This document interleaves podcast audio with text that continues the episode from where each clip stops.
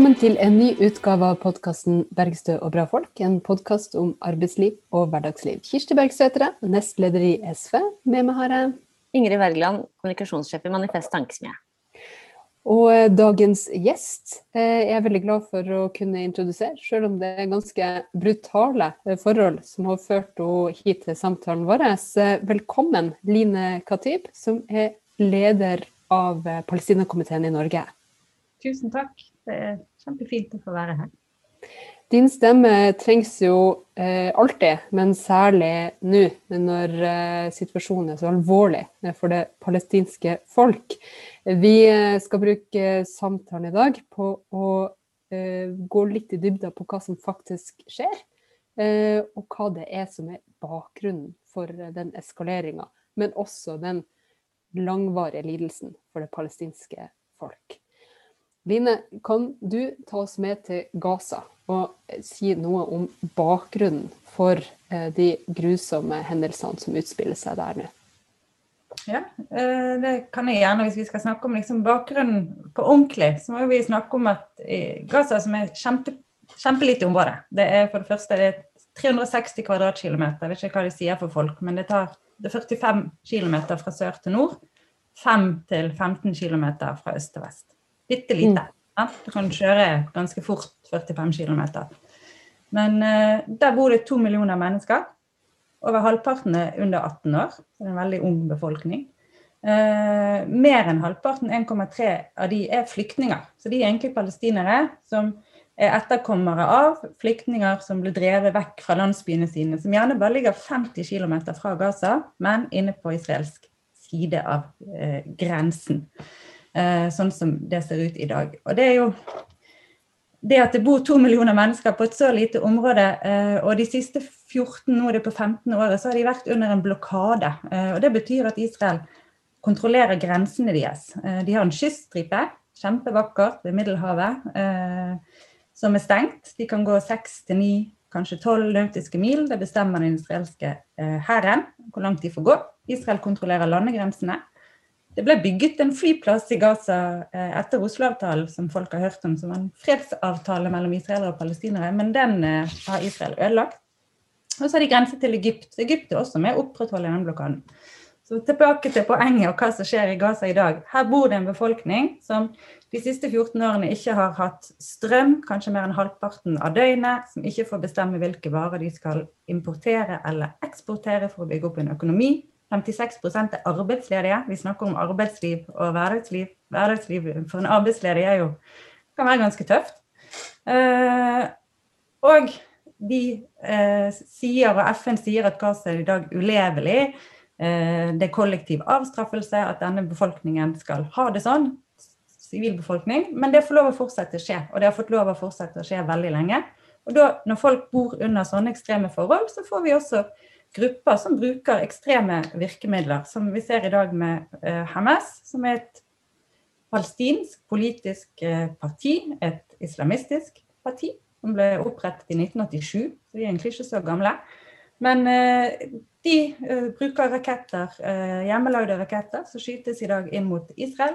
Og Israel bruker jo sitt meget avanserte altså de Regionens mektigste militærstat bruker disse våpnene i all sin tyngde inn mot en sterkt rammet sivilbefolkning. Sant? Og dreper jo sivile, og de ødelegger systematisk infrastrukturen i Gaza.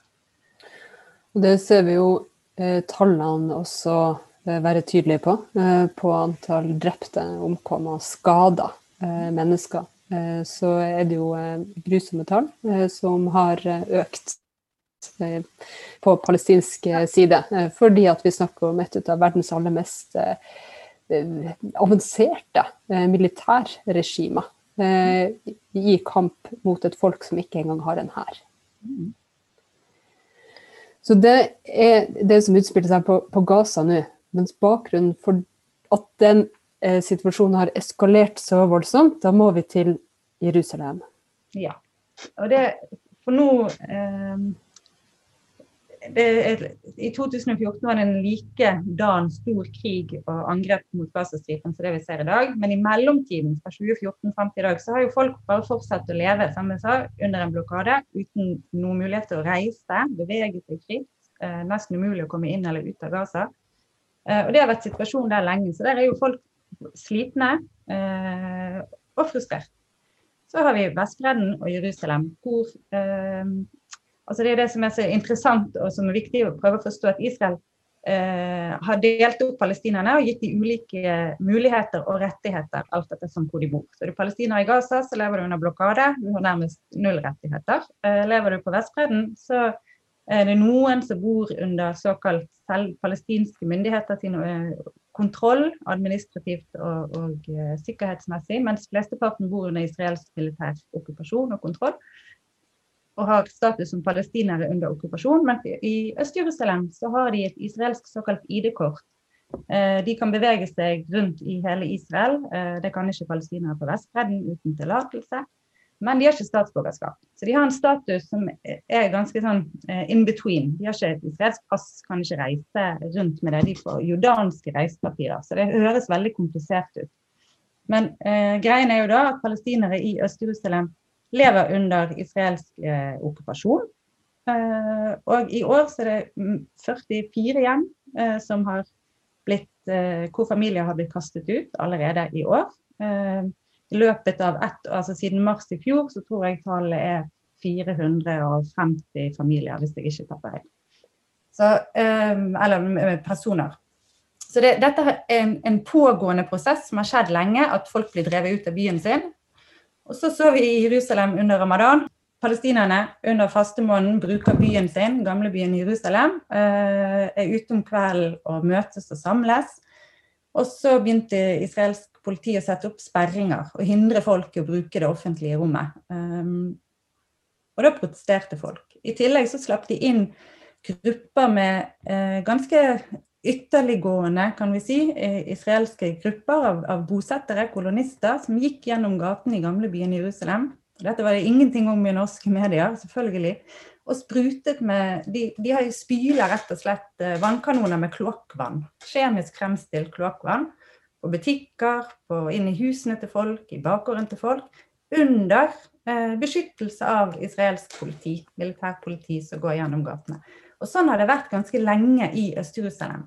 Husutkastelser, at folk eh, får stengt butikken sin, du kan bli fratatt dette ID-kortet ditt. Eh, det er masse komplikasjoner hele tiden pga. okkupasjonen. og Folk får jo heller ikke tillatelse til å bygge ut hjemmene sine eller bygge på.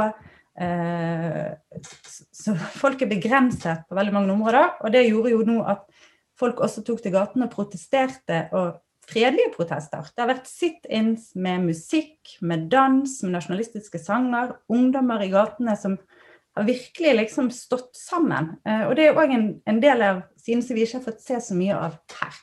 Ja, for det er jo eh, noe av det som, eh, som, jeg tror du er ganske frustrert over, Dina. Eh, nemlig eh, at vi eh, har vårt blikk vendt mot Palestina når det eskalerer, men ser ikke alt som skjer imellom. Og det mm. siste året, eller den siste tida, så har det jo situasjonen blitt blitt veldig alvorlig. det har den vært over tid, men den har kanskje blitt enda mer alvorlig med ja, en eh, korrupsjonssikta statsleder som prøver å få oppmerksomheten bort fra eh, andre forhold enn seg sjøl. Eh, vi har sett USA sin inngripen under, mm. under, særlig Trump, men er det håp om, om endringer der? og så ser vi jo at de, at de virkelig ekstreme bosetterne får ta seg til rette i hjertet av Jerusalem. Og det er jo, det er jo det er jo dramatiske eh, endringer på bakkenivå mm. Eh, som, eh, som, utspiller seg. Det er det. Og jeg tror kanskje det altså Israels statsminister Benjamin Netanyahu er den lengst sittende statsministeren i Israel. Og under hans styre så har det gått veldig mot høyre. I den forstand at man har mer rasistiske uttalelser i parlamentet i Israel i Kneset Så det er helt vanlig å, å bruke meget rasistiske eh, termer om den palestinske minoriteten i Israel og palestinerne under okkupasjon. Og det språket har jo fått flyttet seg òg. Altså ord er handling. Det påvirker eh, hvordan folk handler, hvordan vi snakker om folk. Eh, det flytter grenser. Og det som har skjedd på Vestbredden Du sa at, at, ekstreme bosettere går i gatene i Jerusalem og tar seg til rette der, men det har jo de gjort allerede i veldig mange år på Vestbredden. Mm. Eh, og som du sa, under Trumps styre så har jo Israel på en måte et fritt spillerom. De har utvidet da disse ulovlige koloniene, som er i henhold til Genévekonvensjonen, fjerde artikkel, eh, ulovlige. Dette sier FN. altså Dette er ikke noe som Palestina-komiteen mener. Dette er liksom helt etablert eh, internasjonal lov. Men her har de ikke bare fått bygge ut altså i fjor kanskje 17 000 nye liksom, boenheter. Det høres jo veldig pent ut, da, men altså nye boliger i ulovlige kolonier på palestinsk jord. Men det som de gjør, er at disse mest ekstreme gruppene går jo faktisk til angrep, fysisk angrep på palestinere eh, i nabolandsbyene der de har kommet og bosatt seg. Så de f.eks. ukentlig sant, så er det bønder som får avlingene sine ødelagt. De blir påtent. Eh, de river opp eh, oliventrær. Eh, de som, går fysisk. Som jo tar et, en generasjon før de bærer frukter. Yes. Ja. Jeg kommer jo fra en olivenbondefamilie, så vi høster vår, egen oliven og lager veldig god olje. Men jeg vet at de trærne min bestefar plantet, de kommer jo liksom mine barnebarn til å kunne høste av. Uh, så det er ikke bare bare å rive opp et mm. oliventre. Line, hvor er det din familie kommer fra? Du er jo norsk-palestiner. Mm -hmm. Jeg har norsk mor sant, fra, fra Bergen. Og så har jeg pappa fra Galilea, som er nord i dagens Israel. Er Min familie er en del av den minoriteten som bor inne i Israel, altså 20 befolkningen i Israel er palestinere. Men hva er det som skiller dem fra eh, den israelske befolkninga innenfor grensa, eller såkalte mm. grensa av, av, Israel? Kjempegodt spørsmål. Altså, eh, Israel sier jo at de er en, en jødisk stat. Eh, de har ikke en grunnlov, men de har et sett med det de kaller for basic law. Så der står det at Israel er en, en, en jødisk og en demokratisk stat. Og denne loven oppdaterte de i 2018. Da vedtok de en ny lov som heter nasjonsstatsloven, som etablerer at Israel er en stat for jøder. Mm, dermed ekskluderer de jo den ikke-jødiske eh, befolkningen. Og det betyr at det er så meget som ifølge en, palestinsk eh, rettighetsorganisasjon som er etablert inne i Israel, i Haifa, Adela, til det er 56 ulike israelske lover som diskriminerer mot den palestinske minoriteten. I praksis betyr jo det Kirsti, at eh, min familie sin landsby, som er etablert på, på måte kommunen, eh, landsbyens jord, eh, privat jord og også kommunalt eid jord, de har fått innskrenket sine kommunegrenser. Dette kan sånne folk som sitter i kommunestyret kanskje skjønne. Hvor er det bygg og plan, og hvor har du lov å bygge og utvikle områder? Eh, kommunegrensen har blitt innskrenket sånn at den kun eh, gjelder liksom der det var bebyggelse for mange mange år siden. Eh, og så får ikke de sjøl planlegge og bestemme over jorden som før var kommunen sin, eh, som ligger utenfor nå den innskrenkede kommunegrensen. Så de får ikke planlegge, de får ikke utvide, de får ikke bygge flere hus, får ikke nye byggefelt, kan ikke bygge industri. Eh, de får ikke styre noe av dette sjøl. Nabolandsbyen vår heter Sechnin, det er nå en by. 60 000 innbyggere. Fotballaget i Sechnin vant ligaen i Israel for nå er det ti år siden, under den andre intifadaen kjempeseier for palestinerne, selvfølgelig. Dere kan jo skjønne enhver som fotballgale at hvis laget ditt vinner turneringen, men i tillegg da det palestinske laget i Israel vinner turneringen De hadde søkt i mange år om å få bygge en ny stadion i den byen. Det fikk de ikke lov til fordi innbyggerne i den byen gikk i demonstrasjon i solidaritet med palestinerne som var under okkupasjon under andre intifadaen. Og eh, det var jo en markering inne i Israel med palestinere i Israel hvor 13 personer ble drept de ble skutt, for de demonstrerte. Ingen av de israelske politimennene som utførte de drapene, ble straffet for det. Så det sier noe om forskjellsbehandlingen mellom å være en palestiner med israelsk statsborgerskap og en jødisk innbygger med israelsk statsborgerskap. I veldig mange av eh, appellene og intervjuene og sakene som har vært eh, nå de siste, siste ukene, så, jo, så, så, snakker man jo om apartheid. Altså rett og slett er apartheid i Israel. Dette er jo da eksempel på det, da. Åpenbart. Mm. Mm, det er det, ja. Det er jo eh, israelsk menneskerettsorganisasjon som heter Betzelem, som har jobbet aktivt i mange år og dokumentert eh, masse eh, av Israels eh, på en måte framferd mot palestinerne. Men de sier jo det at nå i praksis så kontrollerer Israel et helt område, sant? både Vestbredden, Gaza og inne i Israel, med to like store befolkningsgrupper. 6,8 millioner palestinere, 6,8 millioner jøder, som er israelere. Eh, men de lever under helt ulike forutsetninger med ulike rettigheter, og det er apartheid. Det er det apartheid betyr. Det betyr en systematisk diskriminering og forskjellsbehandling på mange områder i livet.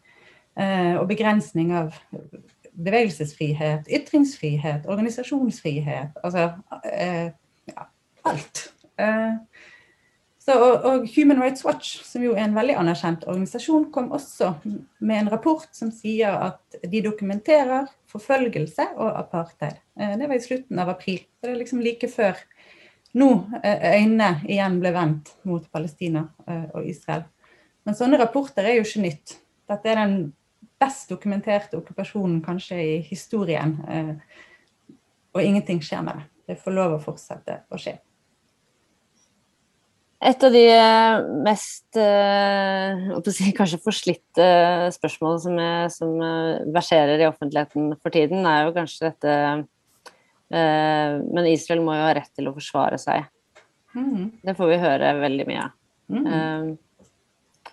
Så kan man selvfølgelig snu på det og si at palestinere må da også ha rett til å forsvare seg når, når vi hører den skildringen du har. Da. Men hva, hva, hva, hvor begynner du da, for å forklare eh, eh resonnementet ditt? Resonnementet Nei, altså greien er at det spørsmålet får jo sette veldig sånn dagsorden. Eh, for hvem har sagt at Israel ikke har rett til å forsvare seg? Det er jo ingen som har sagt det.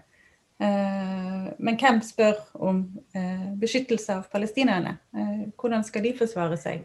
De prøver jo ulike virkemidler. Sant? Eh, ikke-voldelige virkemidler, som å si eh, vi vil eh, at dere reagerer mot Israel. Forsvaret er å få folk til å holde Israel ansvarlig gjennom å be om, om sanksjoner, om boikott, om deinvesteringer, legge press på Israel. De kommer ikke til å plutselig si å ja, dette var en dårlig idé, nå avslutter vi okkupasjonen. De taper ingenting på å fortsette. De vil ha mer land med færre palestinere. Det er deres mål. Men motstanden Altså, Jeg har ikke behov for verken å forsvare eller eh, fordømme Hamas. Jeg, jeg, har en familiemedlem som kjører buss i Tel Aviv. Og så så jeg bilde av en bombet buss i Tel Aviv. Altså, Det er jo klart at alle eh, raketter som treffer sivile, det er eh, et brudd på reglene i lov og krig. Og da må vi se på hvor er det flest raketter som treffer flest sivile. Og det er, nå er jo forholdstallet det er mer enn 20 palestinere som er drept per israelske statsborger. Og alle de sivile tapene er eh, en tragedie, men det er forholdet som ligger til grunn som gjør altså Hvis Israel vil forsvare seg, ja, da må de eh, avslutte okkupasjonen og gi palestinerne like rettigheter. Um, og en annen ting hvis jeg bare kan legge til, Det er jo ingenting som sier at palestinere og israelere ikke kan leve sammen. Som jeg nettopp sa, familien min, eh, 20% av befolkningen i Israel er palestinere. De har jo levd sammen hele tiden. Palestinere på Vestbredden lever med israelere som kolonister, som bosettere. Mange jobber jo i disse bosettingene. De vasker hos de israelske kolonistene. De koster gatene deres og bygger veiene deres fordi de ikke har noe alternativ. Eller de kjenner de som soldater som står på, på sjekkpunktene på veisperringene og ber de legitimere seg og vise tillatelse hvis de skal reise fra en by til en annen. Så det er jo et spørsmål eh, hvis man har som utgangspunkt at Israel skal rett til å forsvare seg, hva er det man mener at Israel skal rett til forsvar? For hvis det er grensene, grensene, hvilke grenser snakker vi om da? Eller er det, og, er det, er det 67? Eh, hvilke mm. grenser er det vi snakker om, og hvilke grenser er det Israel sjøl eh, anerkjenner?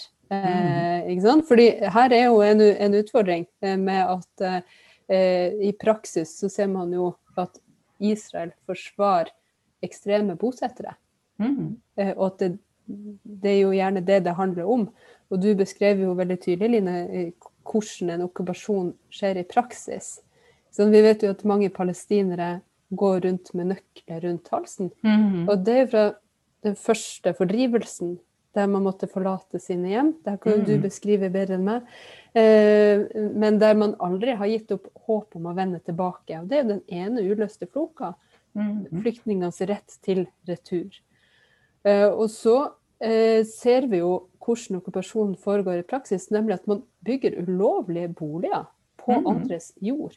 Og ikke bare det, man flytter opp i andre etasjen der det bor folk, og trakasserer dem bort fra sitt eget hjem. Du nevnte i sted at det ikke bare er i Jerusalem det, det skjer. Vi vet jo Hebron, andre byer, at det her har vært en utbredt strategi. Mm. Kan du, kan du prøve å beskrive litt? Fordi uh, mange har jo et sånt bilde av uh, krig som Da ser man raketter, jagerfly, våpen. Men det er jo, det er jo en veldig eh, eh, En veldig eh, omfattende form for okkupasjon og landrøveri som Mhm. foregår. De Ja, omfattende og ikke minst systematisk. Mm. Eh, sant? Den er satt i system. Det er sånn eh, i Israel at du får eh, skattefordeler hvis du bor i en koloni. Eh, sånn, litt sånn som Nord- Nord-Norge-skatt. Eh, at for å oppfordre folk til å bo der, så gjør man det gunstig. Eh, kan, du kan få eh, billigere førstegangsbolig hvis du er førstegangs. Veldig god boligpolitikk, rett og slett. Bare at den er på noen andre sin land, sin jord. Eh, Så som israelsk statsborger, hvis du da vil, så kan du bo inne på palestinsk jord. Eh, Du kan sette opp en koloni ved siden av en palestinsk by. Eh, Og det de gjerne gjør, er jo disse ekstreme bosetterne setter opp sånne konteinere og trailercamps på nye fjelltopper ved siden av palestinske landsbyer. Og så bare begynner de å etablere seg. Og så får de hentet strøm, og så setter de opp gjerder, og så har de våpen og vakter. Og etter hvert så bare har de etablert seg der. Og så får de eh, myndighetene til å lage kloakk og vann og vei og, og det de trenger. Så i dag så er det sånn at 700 000 israelske kolonister på Vestbredden og Øst-Jerusalem kontrollerer 42% av hele Vestbredden med sine veier, eh, mur, gjerder, militære områder eh, og kolonier. Eh, så de tar over palestinsk land, det er liksom det ene. Men det de også gjør, er at de faktisk trakasserer befolkningen som bor ved siden av. Jeg vet ikke om mange har hørt om det, men Redd Barna ga ut en utrolig god rapport eh, i fjor om palestinske barn i israelske fengsler. For Israel fengsler systematisk eh, barn. Eh, sitter opptil 350 tror jeg, kanskje palestinske barn i fengsel nå. Og de fleste av de barna bor i landsbyer ved siden av disse bosettingene. Eh, så militæret med på denne trakasseringen, så de kommer om natten, eh, arresterer barn hjemme. Tenk deg da, jeg har, jeg har tre unger sjøl. Eh, eldste 15 snart. Tenk hvis noen hadde gått forbi en markering, eh, kastet kanskje en stein.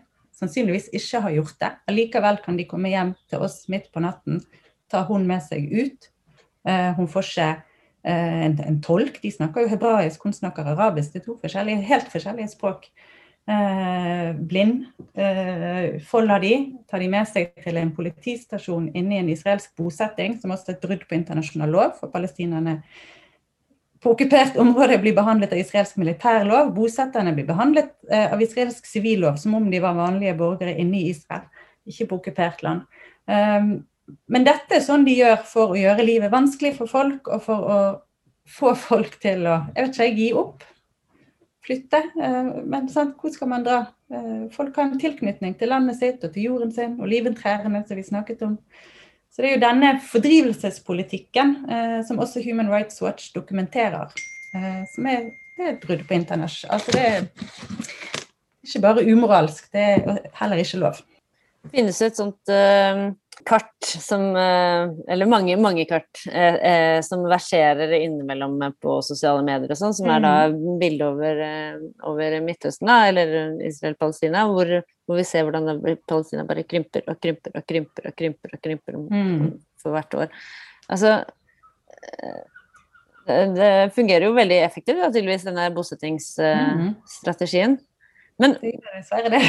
men de som, de som, gjør, de som gjør dette, hva er, altså, hva er det liksom utover, utover på en måte en slags eh, nasjonalisme og, opplevelse av på en måte, rett på land, da. Er det de driver liksom bare med det, eller er, er dette folk som mm. har, liksom, har, de andre jobber? Altså, det høres jo ut som en veldig sånn eh, aggressiv militær måte å, å, bo på, da. Det er det, og det det er forskjell på disse bosetterne. De, de, ekstreme som jeg snakker om, som setter opp utposter, som angriper folk. Uh, de er, ikke, de, de er mange, eh, men mange av de som bor i kolonier i Øst-Jerusalem og nærme på en måte den israelske grensen til Vestbredden, de tenker ikke over det, at de bor på palestinsk jord. De bor der fordi det er rimelig, eh, fordi det er praktisk. Um, og nå bygger jo f.eks.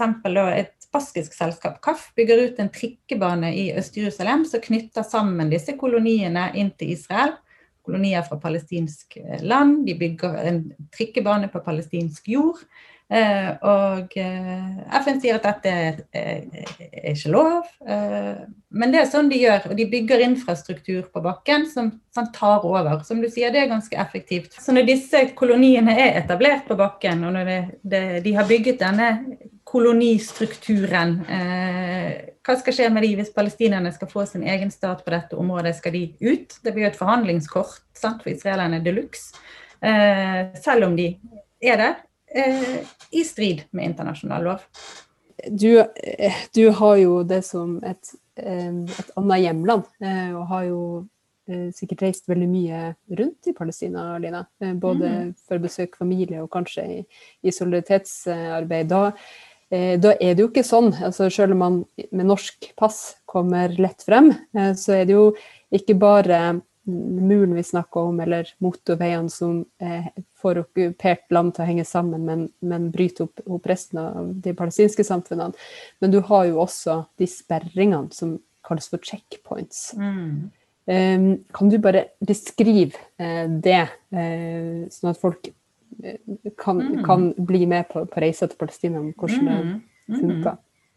Jo, si du skal reise fra en uh, by til en annen, da. Siden jeg nå sitter i, i periferien uh, utenfor Oslo, så tar jeg et lokalt eksempel. Altså Drammen til Oslo, da. Skal du reise uh, fra en by til en annen, så er det mellom disse byene kanskje flere veisperringer. Det betyr at veien er stengt, at det står flere soldater Eh, og vokter veien. Og så må du som om du kjører bil eller om du går til fots, kommer med buss, så må du stoppe der. Eh, du må vise fram legitimasjonen din. Som palestiner må du da vise ditt ID-kort. Og da må du også vise at du har tillatelse til å reise. Er du mann mellom 15 og 45, så er det ganske vanskelig å få reisetillatelse. For da er det eh, ifølge israelske liksom, standarder så er det sannsynlig at du kan være en trussel for dem. Det er sånn de ser på. Alle palestinere er potensielle trusler. Uh, og der må du gjerne vente. Du vet aldri hvor lenge du må vente på denne veisperringen for å komme. Du skal på middagsbesøk til vennene dine i Drammen. sant? Er invitert klokken fem. Du kjørte hjemmefra klokken fire for å ha god tid, og så har du allerede stått på den sjekkpunkten i en halvtime og ventet, og det går veldig sakte, og du ser at de driver og trakasserer den personen som står i bilen to, to biler foran deg. Sånn er det å gå forbi en sjekkpunkt. Noen ganger går du gjennom. Eh, reiser du med norsk pass, så finnes det egne sjekkpunkt som bare internasjonale har lov å bruke. Diplomater bruker de veiene, så de reiser ganske fritt rundt på Vestbredden. Eh, israelske bosettere bruker de veiene. Det finnes egne veier kun for eh, israelere. Israelsk registrerte biler. Mens palestinsk registrerte biler de må kjøre på veier kun for palestinere, der det er, er veisperringer. Og det er tror så mange som kanskje 140 permanente sånne veisperringer rundt på hele Vestbredden. Eh, men i tillegg setter de opp ekstra såkalt, de kaller det for flying checkpoints. Så når som helst kan det komme opp utenfor nabolaget ditt, utenfor bydelen din, så kan det komme opp en veisperring. Plutselig kanskje du kommer deg hjem eller ut. Dette forhindrer jo i veldig stor grad unge jenter i å organisere seg. Foreldrene er redd for jentene sine. De slipper de ikke ut på møter, på markeringer, fordi de er redd for at de ikke kommer seg hjem igjen om kvelden, at veien skal bli sperret. Så det, det er hverdagen til eh, nesten tre millioner palestinere på Vestbredden. Og da kom vi litt inn på eh, hva, hva må gjøres. Fordi eh, vi har jo sett Du, du forteller jo, Line, om denne okkupasjonen som, som foregår eh, gjennom bosettingpolitikken gjennom muren som, mm. som annekterer land. Og den, den, blir jo fortalt at den må man bygge for å beskytte seg sjøl. Mm. Eh, og så bygges den jo sånn at den tar de mest verdifulle jordområdene, vannreservoarene, mm. eh, inn eh, på såkalt israelsk side. Mm. Eh, og, og, og, vi hører fordømmelsene fra FN. Eh, og vi hører fordømmelsene over barn som fengsles. Eh, vi hører fordømmelsene over bosetterpolitikken som er ulovlig, den trakasseringa som, som finnes det. det, er jo, det er jo lett å, å bli motløs når mm. Eh, alvoret eh, blir eh, så mørkt, mm. og når så lite gjøres fra det internasjonale samfunnet. Hva, hva, du har jo vært eh, aktiv i, i Palestina-arbeidet og solidaritetsarbeidet i en årrekke, i tillegg til at du ja, 20, 20 eh, år. 20 år i kampen for et fritt Palestina. Mm. Hva, hva, tenker du at, at må gjøres nå? For det, det, ene er jo liksom hva må hver og en av oss gjøre? Og, og, det andre er hva er det vi som Norge kan gjøre? Mm. Og hva er det verdenssamfunnet må, må samle seg om? Mm. Jo, altså det, Vi må gjøre det vi gjør her i dag. Sant? Vi må snakke om det. Vi må gjøre at folk eh, forstår mer av hva som skjer. For mange tror det er veldig komplisert. Sant? Det er vanskelig å sette seg inn i. Jeg vil ikke ta stilling. Det er så liksom, eh, komplisert. Men det er komplekst. Masse og du kan lese om og liksom finne ut av. Men én ting er veldig enkelt. Det er en okkupasjonsmakt, og det er et okkupert folk. Eh, Helt enkelt og greit. Det er apartheid, og det er fordrivelse. Um, så det vi kan gjøre med det, er å høre på palestinerne sjøl, ikke minst. Uh, palestinerne har sine svakheter med lederskapet sitt. Sant? Vi har et splittet lederskap. Uh, Hamas styrer på Gazastripen, Fette på Vestbredden.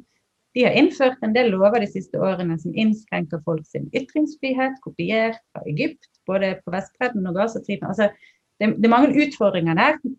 Men vi kan ikke forvente at et folk under okkupasjon skal ha et, et demokratisk og liksom en, en normal statsfunksjon. Sant? Det er jo litt det følgefeilen med Oslo-avtalen at man har gitt en illusjon om at man har en, en, en statsdannelse eller en stat som er selvstendig på et vis. Og grasrotbevegelsen i Palestina, 170 ulike fagforeninger, studentorganisasjoner, eh, kvinneforeninger, sant? alle har for 15 år siden etablert en, et, et, rop om hjelp, om solidaritet, ved at de sier dere må legge ansvar på Israel. Dere ute i verden. Vi kan ikke stå i denne kampen alene. Dere må sanksjonere Israel for brudd på internasjonal lov. Dere må si at okkupasjonen må opphøre. Og det må eh, være et effektivt press. Det kan ikke bare være ord og fordømmelser. Og Norge har jo fordømt før denne her hendelsen blusset opp, eh, så var det eh, høring i Sikkerhetsrådet. FN-ambassadør for Norge, Mona Juel, som jo var med på hele Oslo-avtalen. Hun kjenner jo Hun vet jo egentlig hva som har skjedd. Um, sier at Israel sine bosettinger er ulovlige, og de må følge opp. og Det er en FN-resolusjon som ble vedtatt i 2016. Det finnes jo veldig mange som sier bosettingene er ulovlige, de må stanse. Um, og sier alt dette her rett fram. Men eh, Norge har jo da økt handel og samarbeid med Israel under Erna Solberg sin regjering. De har investert mer penger i israelske selskaper som profitterer på okkupasjonen. I dag jo, i dag er det eh, torsdag, eh, nyhet om at oljefondet har trukket ut investeringer fra tre israelske selskap, veldig bra, fordi de bryter med folkeretten. Men det bør man gjøre i mye større grad. Og jeg syns det, det, er fantastisk å se at det er flere fylkeskommuner i Norge, kommuner i Norge, som har gjort vedtak om at deres kommune eller fylkeskommune skal ikke handle varer fra okkupert område. Det gjelder om det er Vest-Sahara eller Palestina eller hvor uretten blir begått. Vi skal ikke støtte opp om okkupasjon. Og Det må vi jo følge opp også i våre nasjonale måte, forpliktelser. Så vi må gjøre, vi må stemme riktig til stortingsvalget eh, på et parti som mener at folkeretten gjelder for alle, også palestinerne. Eh, og Norge gjør noen innsats i Sikkerhetsrådet og prøver å få med seg USA på en uttalelse eller en fordømmelse. Men det betyr jo ingenting eh, for Israel så lenge de kan fortsette med en kostfri okkupasjon. Det koster de ingenting å fortsette. Det har vært veldig mye snakk om det de siste dagene. Da, at altså, nå må vi få en kraftig uttalelse fra, fra Sikkerhetsrådet. Mm. Nå sitter jo Norge der. Men du mener det er ja, omtrent uh, ubrukelig? Jeg tror at med den amerikanske administrasjonen som vi har i dag, så vil en sånn fordømmelse som kommer, den vil være meget, meget svak og i praksis ikke bety noen ting. sant? Det er jo det som er problemet. Men jeg er veldig glad for nå i Kongressen. Sant? Eh, dere har hørt om The Squad. Eh, det står opp nå flere amerikanske kongressmedlemmer, demokrater, det er press internt blant demokratene, og sier at USA kan ikke selge eh, våpen til Israel sånn som de gjør. De gir jo de bistand. Israel får militær bistand fra USA. De er en av de største bistandsmottakerne. Så det at de nå står opp og sier at det De sier sant, det er helt enkelt. Eh, vi kan ikke støtte apartheid. Vi kan ikke støtte en stat som fordriver et annet folk. det er egentlig veldig enkelt burde være det. Mm. Mm. Og der vet vi jo at sant, den nasjonale politikken, den kan jo bare føre eh, av vårt lederskap så lenge det er oppslutning og aksept for det. Mm. Eh, og Derfor så er det jo veldig viktig med de markeringene som finner sted nå. Eh, at folk eh, melder seg inn i eh, Palestina-komiteen, i Norsk Folkehjelp, mm. i alle som er til stede for å jobbe med Palestinas sak, og også kreve en, en politisk endring. Og så har vi jo sett en bevegelse vokse frem over tid, BDS-kampanjen, mm. som, som, handler om at man stiller krav om at man skal slutte å investere i okkupasjonsøkonomien, mm. at man skal boikotte Eh, Israel og, eh, eh, og, og føre en, en, en, annen politisk kurs. Vil du si noe om hvordan du opplever den, de motstemmene som er helt nødvendige for å bære frem en annen kurs? Ja, altså jeg har tenkt en del, jeg er leder av en, en norsk solidaritetsorganisasjon som har eksistert i over 50 år. Det er jo egentlig helt, Vi burde jo ikke måtte finnes. Men det at det er så mange norske som skjønner og ser hva som skjer, og som bryr seg, som har reist på helseteam eh, og jobbet med palestinske leger, sykepleiere, helsearbeidere, kunstnere som har samarbeid. Det er fagforeninger som reiser på fagforeningsturer, møter eh, palestinske fagforente. Eh, det engasjementet er jo helt fantastisk. Og for meg som både norsk og palestiner, så blir jeg utrolig stolt. Sant? Og så har vi hele LO med oss. LO har gjort et vedtak på at eh, de skal ikke eh, støtte okkupasjonen. De går inn for boikott og deinvesteringer og sanksjoner. Kjempeviktig. Vi har med oss eh, miljøet i kirken, religiøse miljøer. Kjempeviktig. Eh, så jeg vil jo si at det er stadig flere som kanskje skjønner hva som skjer. Eh, men å få omsatt det i handling, altså motkreftene, er ganske sterke. Eh, så vi har en lang kamp, en lang vei å gå. Men jeg har troen fordi at vi kan gjøre noe på personlig plan. Du kan velge å ikke kjøpe israelske varer. Ikke minst si fra i butikken at jeg vil ha noe annet, sånn at de kan legge press på grossistene. Eh, men òg på arbeidsplassen din. Du kan jo si jeg vil ha en apartheidfri sone på arbeidsplassen min. Vi skal ikke kjøpe noen produkter fra Israel. Uh, og så må vi få det mer på et systematisk og politisk nivå for å føre for endring der. Og det skjer jo det initiativer i EU, det er initiativer uh, på mange plan. Og denne BDS-bevegelsen som snakket om, boikott, investering og sanksjoner, som jo er en palestinsk ledet bevegelse, som vi Palestinakomiteen er sluttet til, har kontorer i Latin-Amerika, i Midtøsten, i Europa, i Nord-Amerika, i Asia. Så det er jo mange som står opp eh, for palestinerne sin sak, eh, og støtter opp om kampen. Mm. Mm. Og det håper vi at eh, folk vil, vil, fortsette med. Det trengs jo Det trengs, det trengs. virkelig en, en, økt innsats i mm. solidaritetsarbeidet, og det samla mm. solidaritetsarbeidet. Line, du eh, har jo lagt inn et eh, helt ekstremt imponerende virke i solidaritetsarbeidet. Eh, og i folkeopplysningstjenesten, må vi kunne kalle det òg. Eh, men eh, vi begynner jo alle en plass. Og vi har et fast spørsmål i, i denne podkasten, og det er rett og slett hva din første jobb var. Så nå er vi spent på om du har plukket oliven i olivenlundene. Var det det du gjorde? Jeg fikk ikke lønn for det da jeg var liten, så da telles det vel ikke som en jobb. Nei, Men eh, Men du fikk kanskje god olje? jeg fikk veldig god olje eh, og god oliven. Eh, Min første jobb var Jeg hadde en slektning faktisk i Bergen da, som eh, laget stearinlys. Lys-Hassan kjenner noen bergensere. Han som han hadde en nydelig liten butikk ved siden av Fløibanen hvor han produserte alle slags stearinlys. Eh, Jeg jobbet i lysbutikken til Hassan og støpte lys og snakket med japanske turister. og ja, Veldig morsomt. Gjorde du det? Line, takk for at du var med oss. Takk for at du delte det at du tidlig var eh, med på å spre lys.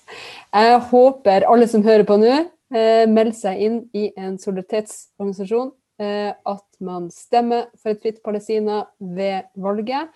Eh, og eh, er med på å si nei til apartheid i sin hverdag. Ha en fin dag videre. Lik del, eh, og for all del eh, sørg for at du gjør det du kan for at det palestinske folk skal bli fritt. Ha en fin dag videre.